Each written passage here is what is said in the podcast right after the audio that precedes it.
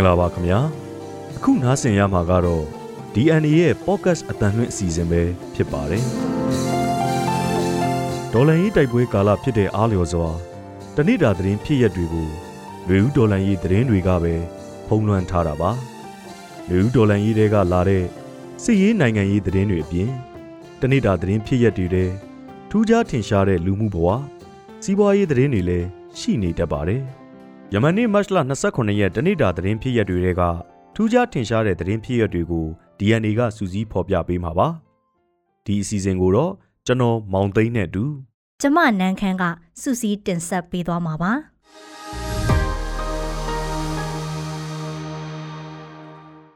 ပထမဦးဆုံးအနေနဲ့အာနာသိန်းစစ်တပ်ကလူတထောင်ကျော်ကိုဖမ်းဆီးပြီးမှတပ်ဖြတ်ခဲ့တဲ့ဆိုတဲ့အကြောင်းကိုပြောပြပေးပါမယ်လူတထောင်ကျော်ကိုဖမ်းဆီးချုပ်နှောင်ပြီး တပြိုင်တည်းတနေရာထဲမှာတချို့ကိုပြစ်သက်တချို့ကိုတခြားနီးတွေနဲ့တက်ပစ်လိုက်တယ်လို့မြင်အောင်ကြည့်ပါတုံလောက်ခြောက်ချားစီရမဟုတ်လားတနေရာတည်းတစ်ချိန်တည်းမဟုတ်ပေမဲ့စစ်ကောင်စီဟာနှစ်နှစ်အတွင်းလူတထောင်ကျော်ကိုအဲ့ဒီလိုပုံစံနဲ့တက်ဖြတ်ခဲ့ပါတယ်အာနာသိမ့်ပြီးနောက်နှစ်နှစ်နဲ့တလကာလအထိစည်ရင်တွေအရစစ်ကောင်စီလက်ချက်နဲ့အယက်သား3900နီးပါးတည်ဆုံးခဲ့ပြီးပါပြီအဲ့ဒီအထက်က1080ဟာအရှင်ဖန်းစည်းရမိပြီးမှ တက်ဖြတ်ခံရတဲ့သူတွေလို့နိုင်ငံရေးအကျဉ်းသားများစောင့်ရှောက်ရေးအသင်း AAPP ကအမတ်လ29ရက်မှာထုတ်ပြန်ပါတယ်။ကျန်တဲ့သူတွေနဲ့ပတ်သက်လို့ AAPP ကအဲ့ဒီထုတ်ပြန်ချက်မှာထည့်ရှင်းပြမထားပေမဲ့အာနာသိမ့်မှုစန့်ကျင်ရေးတပိတ်လှုပ်ရှားမှုတွေအတွင်းပြစ်ခတ်ခံရတာစစ်ကြောင်းထိုးချိန်ပြစ်ခတ်ခံရတာလက်နက်ကြီးထိတာစတဲ့အဖြစ်တွေကြောင့်တေဆုံးရသူတွေဖြစ်နိုင်ပါတယ်။ဖမ်းဆီးပြီးမှတပ်ဖြတ်ခံရတဲ့လူတထောင်ကျော်တွေက986ဦးရဲ့ အသက်အရွယ်တွေကို AAPP ကအတီးပြုတ်နိုင်ခဲ့ပြီးပိုင်းခြားလေ့လာရမှာတီးစဲဥပဒေတွေအရခလေးတငယ်တွေအဖြစ်အကျုံးဝင်နေသေးတဲ့16နှစ်အောက်လူငယ်65ဦးအထိပါဝင်နေတယ်လို့ဆိုပါတယ်။စစ်ကောင်စီကတိုက်ပွဲဖြစ်ပွားရာဒေသတွေမှာလူသားတိုင်းအဖြစ်ဖမ်းဆီးသွားတာစစ်ကြောင်းတွေလှုပ်ရှားချိန်မတော်တဆထိတ်တိုက်တွေ့တဲ့ဒေသခံတွေကိုဖမ်းခေါ်သွားတာအာနာသိမ့်မှုခုခံတော်လှန်တဲ့လှုပ်ရှားမှုတွေမှာပါဝင်သူ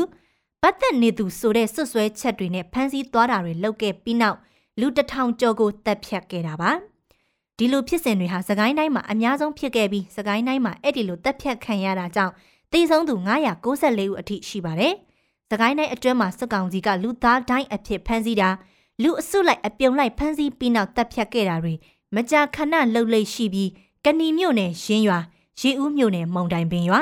စကိုင်းမြို့နယ်ဒါတိုင်းရွာနဲ့ မြင့်မှုနဲ့လက်ကပင်ရွာတို့မှာဖြစ်ခဲ့တဲ့အစုအပြုံလိုက်တပ်ဖြတ်မှုတွေဟာလူသိများပါတယ်။ဒါ့အပြင်မန္တလေးတိုင်းမှာစစ်ကောင်စီကအလားတူဖမ်းဆီးတပ်ဖြတ်ခဲ့သူ119ဦးမကွေးတိုင်းမှာ102ဦးအထိရှိတယ်လို့ AAPP ကပြောပါတယ်။ဒုတိယသတင်းတစ်ပုဒ်အနေနဲ့စစ်တပ်တို့လေရင်စီနဲ့လက်နက်ထောက်ပံ့ပေးနေသူတွေကိုဗြိတိန်ကပိတ်ဆို့ဒဏ်ခတ်မဲ့သတင်းကိုတင်ဆက်ပါမယ်။ဖက်စစ်ဒေါ်လန်ရေးနေလို့ဒီကနေ့အထိအတိမတ်ပြုခံယူသုံးစွဲနေကြသူတွေရှိနေသေးပေမဲ့ ဦးနေဝင်းကစလို့ခေဆက်ဆက်စစ်ကောင်းဆောင်တွေကတော့မတ်လ28ရက်နေ့ကိုတက်မတော်နေ့လို့သုံးစွဲပါတယ်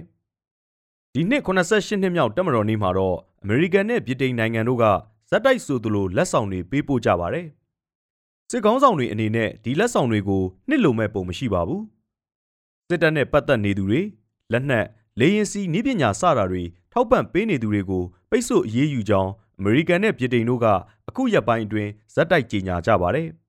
ဒီနှစ်နိုင်ငံလုံးရဲ့ပိတ်ဆို့ဒဏ်ခတ်မှုအသစ်မှာထုံးမင်းလက်ဆိုတဲ့အမည်ပါဝင်ပါတယ်။ထုံးမင်းလက်ဟာလွန်ခဲ့တဲ့လအနည်းငယ်အကြာကမှထိုင်းနိုင်ငံမှာငွေကြေးခွာချမှုလက်နက်မှောင်ခိုမှုတွေနဲ့ဖမ်းဆီးခံထားရသူပါ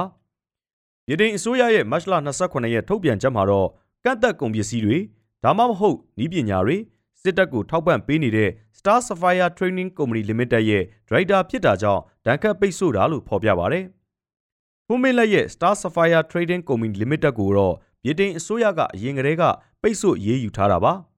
။ဒါအပြင် Shun Energy PTE Limited နဲ့အဲ့ဒီကုမ္ပဏီရဲ့လက်ရှိဒရိုက်တာနဲ့ရှယ်ယာရှင်တဦးဖြစ်တဲ့ခင်ဖြူဝင်းကိုလည်းဗြိတိန်အစိုးရကဒဏ်ခတ်ပိတ်ဆို့လိုက်ပါသေးတယ်။ Shun Energy PTE Limited ကုမ္ပဏီဟာမြန်မာလေတပ်အတွက်လေရင်စီထောက်ပံ့ပေးကအကျိုးအမြတ်ရရှိနေတာကြောင့်အခုလိုပိတ်ဆို့ရေးယူတာလို့ဆိုပါတယ်။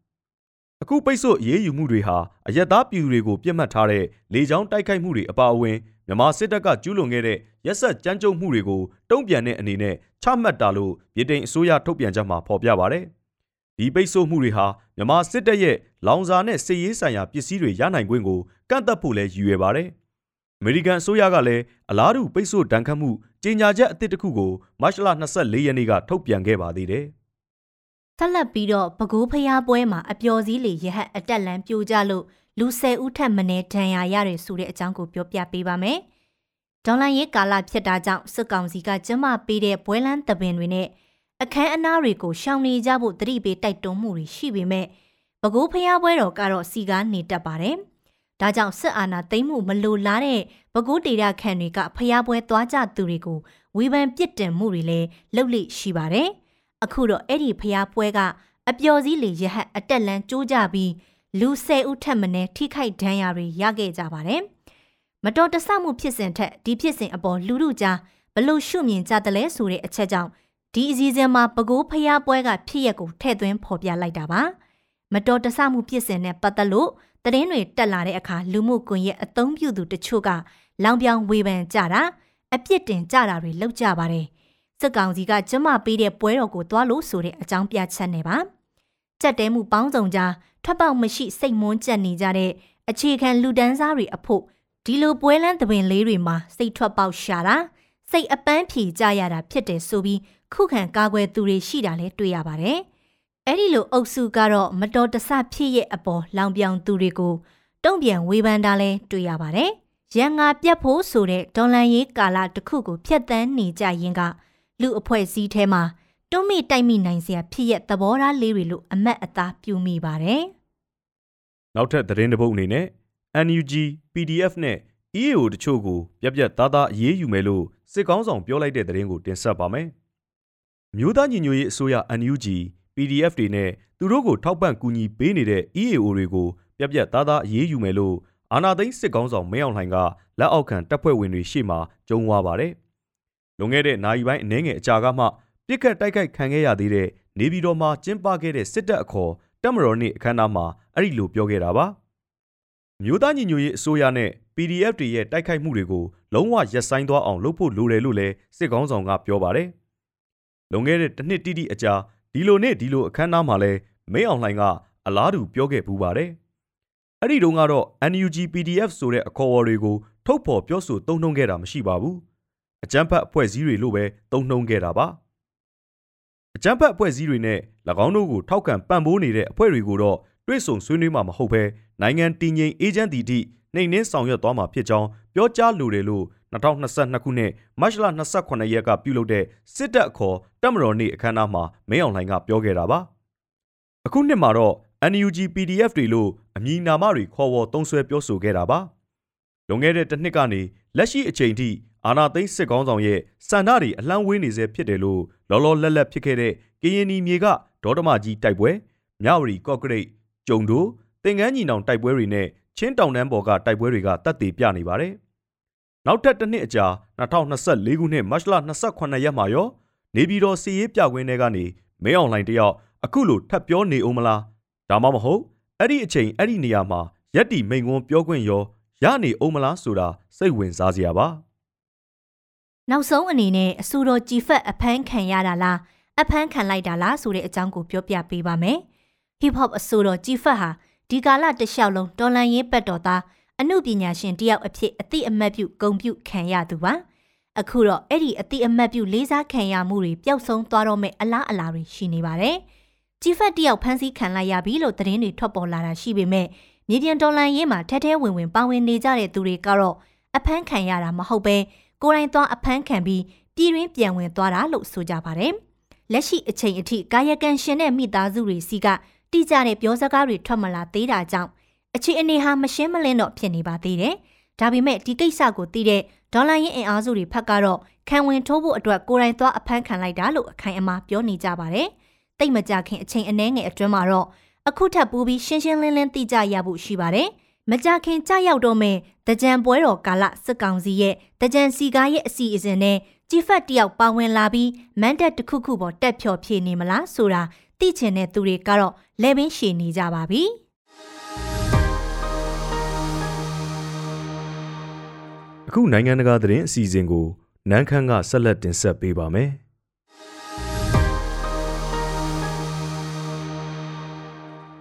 ကန်ကပြည်နယ်နှစ်ခုမှာလေစင်နှမောင်းတွေကြောင့်လူနှစ်ဒါဇင်ကျော်သေဆုံးခဲ့တဲ့နောက်နောက်ဆက်တွဲရာသီဥတုဖောက်ပြန်မှုတွေနဲ့ကုန်းတွင်းမုန်တိုင်းတိုက်ခတ်မှုတွေထပ်မံဖြစ်ပေါ်လာမှာကိုစိုးရိမ်နေရပါတယ်။အထူးသဖြင့်မစ္စဇဗီပြည်နယ်မှာရပ်ပိုင်းအတွင်းနောက်ထပ်လေစင်နှမောင်းနဲ့မုန်တိုင်းတွေဖြစ်ပေါ်လာနိုင်ကြောင်းပြည်နယ်အုပ်ချုပ်ရေးမှူးဒက်ဒီရစ်ကသတိပေးပြောကြားထားပါတယ်။ပြီးခဲ့တဲ့သတင်းပတ်ကုံကမစ္စဇဗီနဲ့အိန္ဒိချင်းအလာဘားမားပြည်နယ်တွေမှာလေစင်နှမောင်းတွေတိုက်ခတ်တာကြောင့် လူ26ဦးထပ်မံသေဆုံးပြီးထိခိုက်ပျက်စီးမှုတွေအများအပြားဖြစ်ပေါ်ခဲ့ပါတယ်။မစ္စဇဗီပြည်နယ်ကလေစင်နှမောင်းတဲ့အဆိုးဆုံးခံစားခဲ့ရတဲ့ Roaring Fox မြို့ငယ်လေးကတော့မြို့လုံးကျွနီးပါးပြပြဖို့ပျက်စီးသွားခဲ့ပါတယ်။မုံတိုင်းကြောင့်တပ်ပင်တွေအမြက်ကကျွတ်ထွက်ပြီးအိမ်တွေပြိုလဲကုန်တယ်လို့ trap ကားကြီးတွေပါတိတ်မှောက်ကုန်ပါတယ်။ Roaring Fox ကိုပြတ်တန်းသွားတဲ့လေစင်နှမောင်းဟာအဆင့်သက်မှတ်ချက်တွေအရဒုတိယအကျန်းဆုံးလို့သိရပါတယ်။အခုအခါမှာတော့အနီးတစ်ဝိုက်က Arkansas, Louisiana, Tennessee တို့ကကယ်ဆယ်ရေးအဖွဲ့တွေပါလေစင်နှမောင်းတန်တဲ့ area တွေစီရောက်ရှိနေပြီးတိဒခံဇေဒနဝန်ထမ်းတွေနဲ့အတူရှင်းလင်းရေးလုပ်ငန်းတွေကိုစတင်နေပါပြီ။ကယ်ဆယ်ရေးအဖွဲ့တွေကအပြက်အစည်းပုံတွေအောက်မှာပိတ်မိနေနိုင်သူတွေကိုအတိကဦးစားပေးအဆင့်လိုက်လံရှာဖွေနေကြပါတယ်။ Roaring Fox မှာဆိုရင်အပြက်အစည်းတွေကအရန်ဆိုးရွားလွန်းတာကြောင့်ဘယ်နေရာကစတင်ရှင်းလင်းရမလဲဆိုတာတော့မတွေးတက်လောက်အောင်ဖြစ်နေကြပါတယ်။သမ္မတဂျိုးဘိုင်ဒန်က အခုဖြစ်ရက်တွေအတွက်အထူးတလဲဝမ်းနည်းမိကြောင်းပြောကြားခဲ့တယ်လို့ရာသီဥတုကပ်ပေးတဲ့ပြည်သူတွေအတွက်အစိုးရအနေနဲ့အစွမ်းကုန်ကူညီပံ့ပိုးသွားမယ်လို့ပြောကြားခဲ့ပါတယ်။ပြီးတော့အဲ့ဒီ area တွေမှာတဘာဝပေးအန်တီရဲ့ဆိုင်ရအရေးပေါ်အခြေအနေတွေအစိုးရကကြီးညာခဲ့ပါတယ်။အခုအခြေအနေမှာတော့ကယ်ဆယ်ရေးနဲ့ရှင်းလင်းရေးလုပ်ငန်းတွေကိုအချိန်လူဆောင်ရွက်နေရင်နောက်ဆက်တွဲကြုံလာနိုင်တဲ့ရာသီဥတုအခြေအနေအပြောင်းအလဲသတိပေးချက်တွေကိုနားစွင့်ဖို့လဲမိုးလေဝသဌာနကနှိုးဆော်ထားပါတယ်။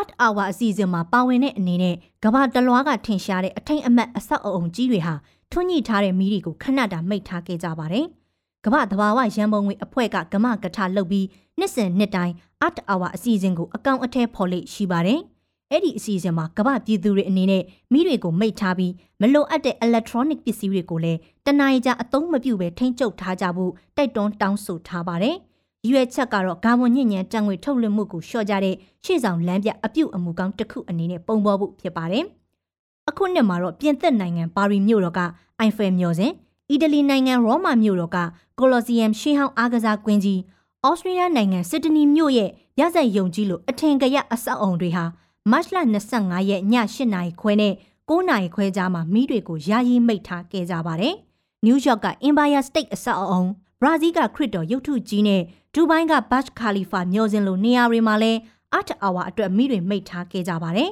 ။ Art Hour website ကတော့ဒီအစီအစဉ်ဟာတရုတ်ပြလှုပ်ရှားမှုတစ်ခုဆိုတာထက်အတိတ်ပဲအများကြီးပိုပြည့်ဝသလိုကဘာကြီးကိုစုပေါင်းကယ်တင်ဖို့ကဘာနေရအနှံ့ကလူသားအလုံးတစိတ်တဝမ်းနဲ့တသားတဲ့အတူရှိနေတဲ့ဆိုတာကိုဖော်ညွှန်းခြင်းဖြစ်ကြောင်းဖော်ပြထားပါတယ်။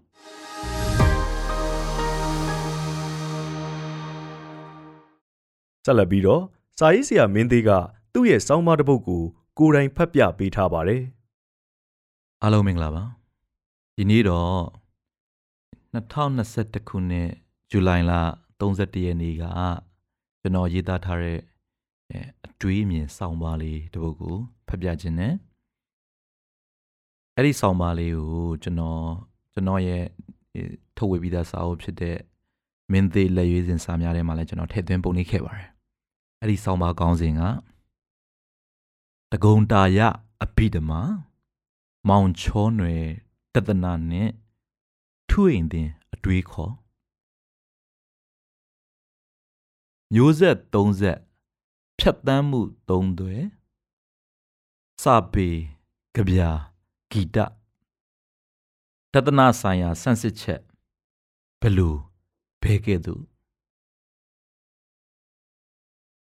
တကုံတာယအဘိဓမ္မာကအခုလိုရန်သူမရှိ မိတ်ဆွေသာရှိ မုန်းသူရှိ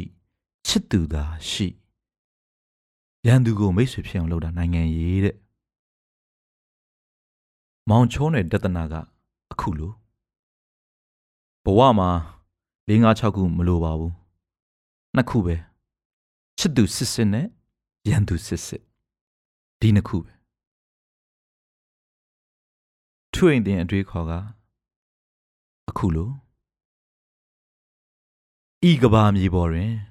ချစ်ချင်းမေတ္တာနှင့်ဉာဏ်ပညာမှတပါအခြားသော အလေးမြတ်ပြုအပ်ရာမည်သည်မရှိမျိုးဆက်30တကုံတာယာဟာ1919ခုနှစ်မှာမွေးတယ်2013ခုနှစ်မှာကွယ်လွန်တယ်အသက် 63နှစ်အထိလူဘဝမှာနေသွားတယ်မောင်ချောနွယ်ကို1946ခုနှစ်မှာမွေးတယ်2002ခုနှစ်မှာမောင်ချောနွယ်ကွယ်လွန်တယ်အသက်53နှစ်လောက်အထိလူလောကမှာနေသွားတယ်ထွင်တင်ကို1963ခုနှစ်မှာမွေးတယ်ထွင်တင်က2004ခုနှစ်မှာကွယ်လွန်တယ်အသက်42နှစ်ပဲနေထိုင်သွားခဲ့တယ် ထူးခြားချက်ကအရင်ဆုံးမွေးသူကနောက်ဆုံးမှကွယ်လွန်တယ်အသက်ရှည်ရှည်နေထိုင်သွားခဲ့သူနောက်ဆုံးမှမွေးသူကအသက်အတူဆုံးနေထိုင်ခဲ့ရတဲ့သူမျိုးဆက်30ဖြတ်တန်းမှု3တွေတတနာ3ရက်တကုံတရာမွေးတဲ့1916ခုနှစ်က YLBA ဝန်တာနုလှုပ်ရှားမှုခေတ်ကိုလိုနီလက်အောက်ခံဘဝ မောင်ချောနွယ်မွေးတဲ့1946ခုနှစ်ကလွတ်လပ်ရေးရပြီးပါလီမန်ဒီမိုကရေစီခေတ်တိုင်းပြည်ထူထောင်ရေးကာလထွေးအိမ်တင်မွေးတဲ့1963ခုနှစ်ကဒေါ်လာရေးကောင်စီလက်ထက်60နှစ်အာဏာသိမ်းပြီးကာလတကုံတာယာမောင်ချောနွယ်နဲ့ထွေးအိမ်တင်တို့ဟာဘဝဖြစ်တမ်းမှုတွေမတူကြပါအားလုံးတူတာတခုတော့ရှိတယ် သူတို့အားလုံးဟာကြပြဆရာတွေတကုံတာယာမောင်ချောနွယ်နဲ့ထွေအိမ်တင်တို့ဟာကြပြဆရာတွေဖြစ်တာချင်းတူပေမဲ့ကွဲပြားပါတယ်တကုံတာယာဟာစာရေးဆရာကြပြဆရာတတနာသမားငိမ့်ချမ်းရေးဝါဒီမောင်ချောနွယ်ဟာကြပြဆရာထွေအိမ်တင်ကတေးရေးဆရာအဆူတော်ကြပြဆရာတကုံတာယာနာမည်အရင်က ထေးမြိုင်မောင်ချောနွယ်နာမည်အရင်ကတင်ဝင်းကျော်ထွေအိမ်တင်နာမည်အရင်ကကျော်မြင့်လွင်အားလုံးကသူ့ခင်နဲ့သူသူ့ပြိတ္တနဲ့သူစာပေနဲ့နိုင်ငံရေးမှာတကုံတာယာရဲ့ဩဇာကတိတ်ကြီးတယ်မြန်မာမော်ဒန်ကဗျာမှာမောင်ချောနွယ်ရဲ့ဩဇာကတိတ်ကြီးတယ်မြန်မာခေတ်ပေါ်ဂီတမှာထွေအိမ်တင်ရဲ့ဩဇာကတိတ်ကြီးတယ်အားလုံးဟာသူ့ခေတ်သူ့အခါမှာ လူငယ်တွေအပေါ်ဩဇာလွှမ်းမိုးနိုင်ခဲ့သူတွေသုံးစလုံးမှာအနုပညာညှို့တက်ပြင်းစွာရှိတယ်အနုပညာမှော့အောင်ထားသူတွေလို့ပြောနိုင်တယ်စာပေသမားတွေဖြစ်လို့နှလုံးသားအရာမှာနူးညံ့သူတွေထိရှစွာခံစားနားလေတတ်သူတွေတကုံတာယာကကလောင်နမယ်ပေါင်းမြောက်များစွာနဲ့စာရီရေးခဲ့သူ မောင်ချောနွယ်က မောင်ချောနွယ်ကလောင်တစ်ခုတည်းသာဆွဆွမြဲမြဲသုံးသွားသူထွင်တင်ကဂီတနယ်ပယ်ကနမဲကြပြဆရာကလောင်ကရှက်မှုကျော်ဖြတ်တမ်းမှုသုံးတွေ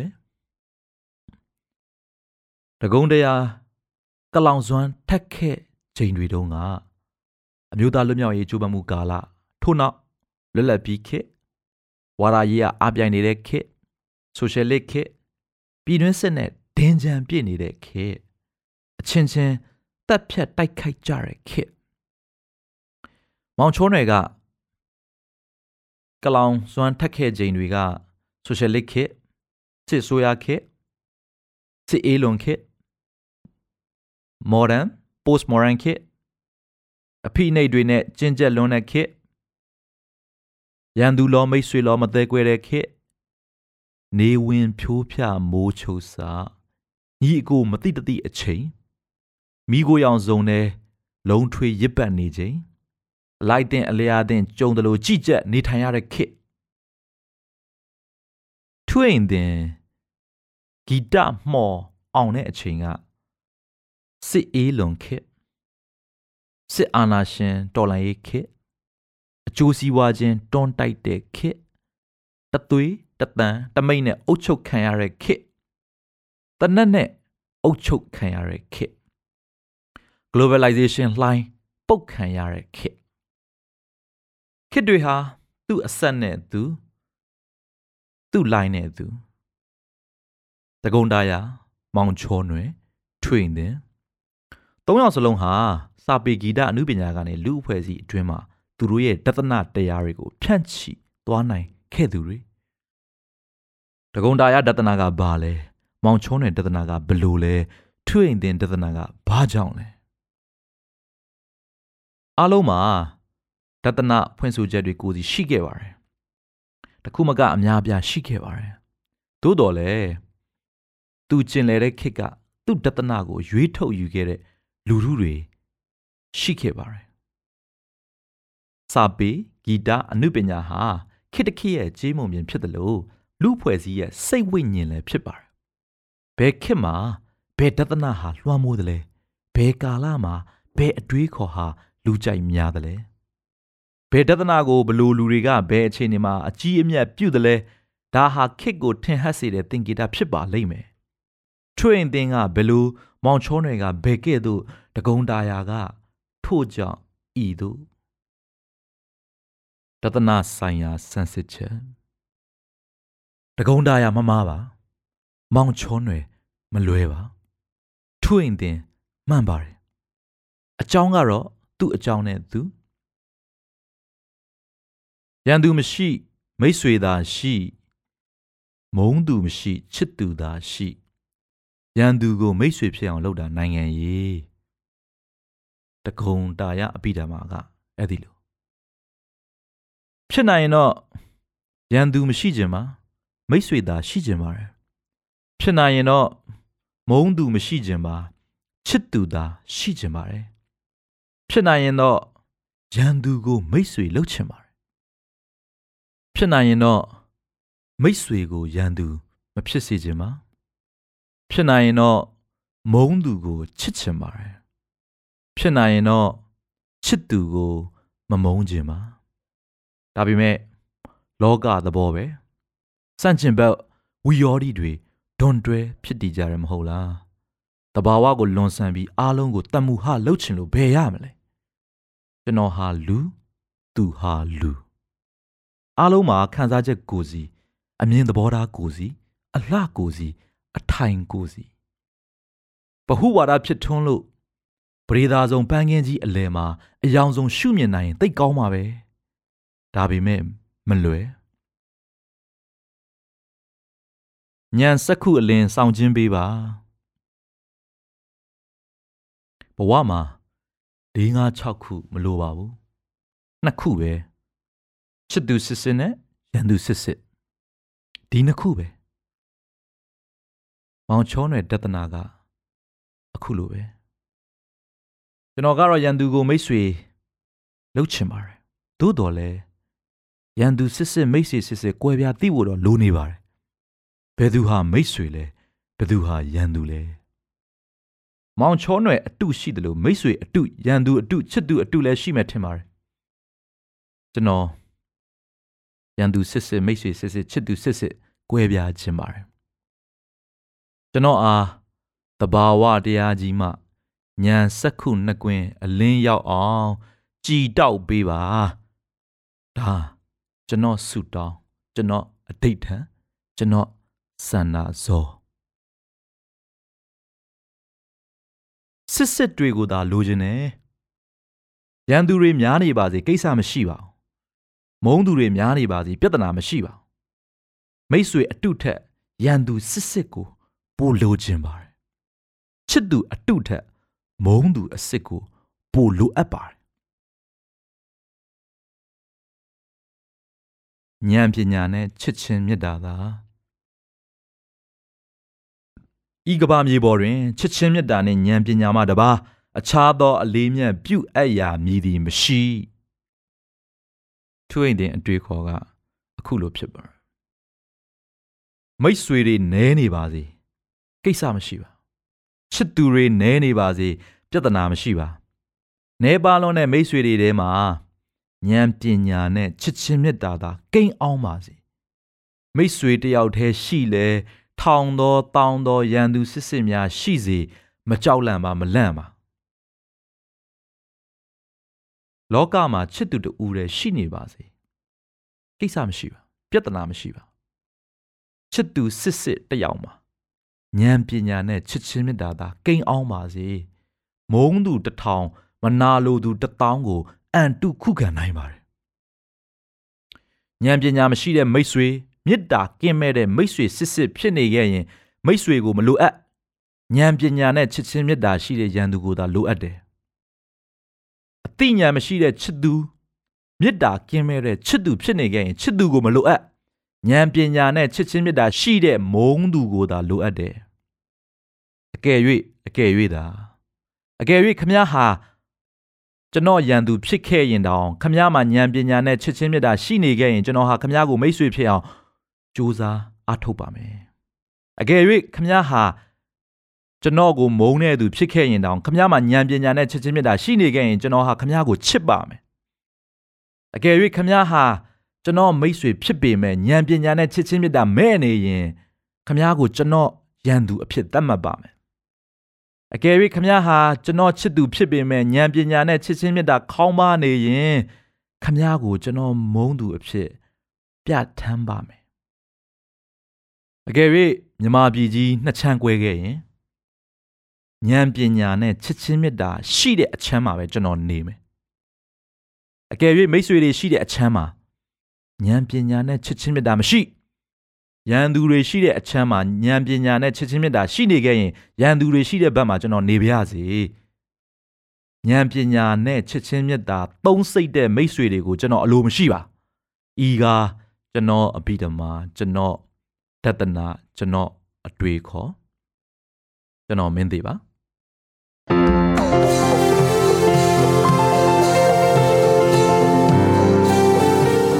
DNA ရဲ့ podcast အတန်လွင့်အစီအစဉ်ကို အပတ်စဉ်တနင်္လာနေ့ကနေတောက်ကြနေ့အထိမနက်9:00နာရီတိုင်းမှာတင်ဆက်ပေးသွားမှာဖြစ်ပါတယ်။ဒီအစီအစဉ်ကို DNA ရဲ့ Facebook Page ကနေအပြင်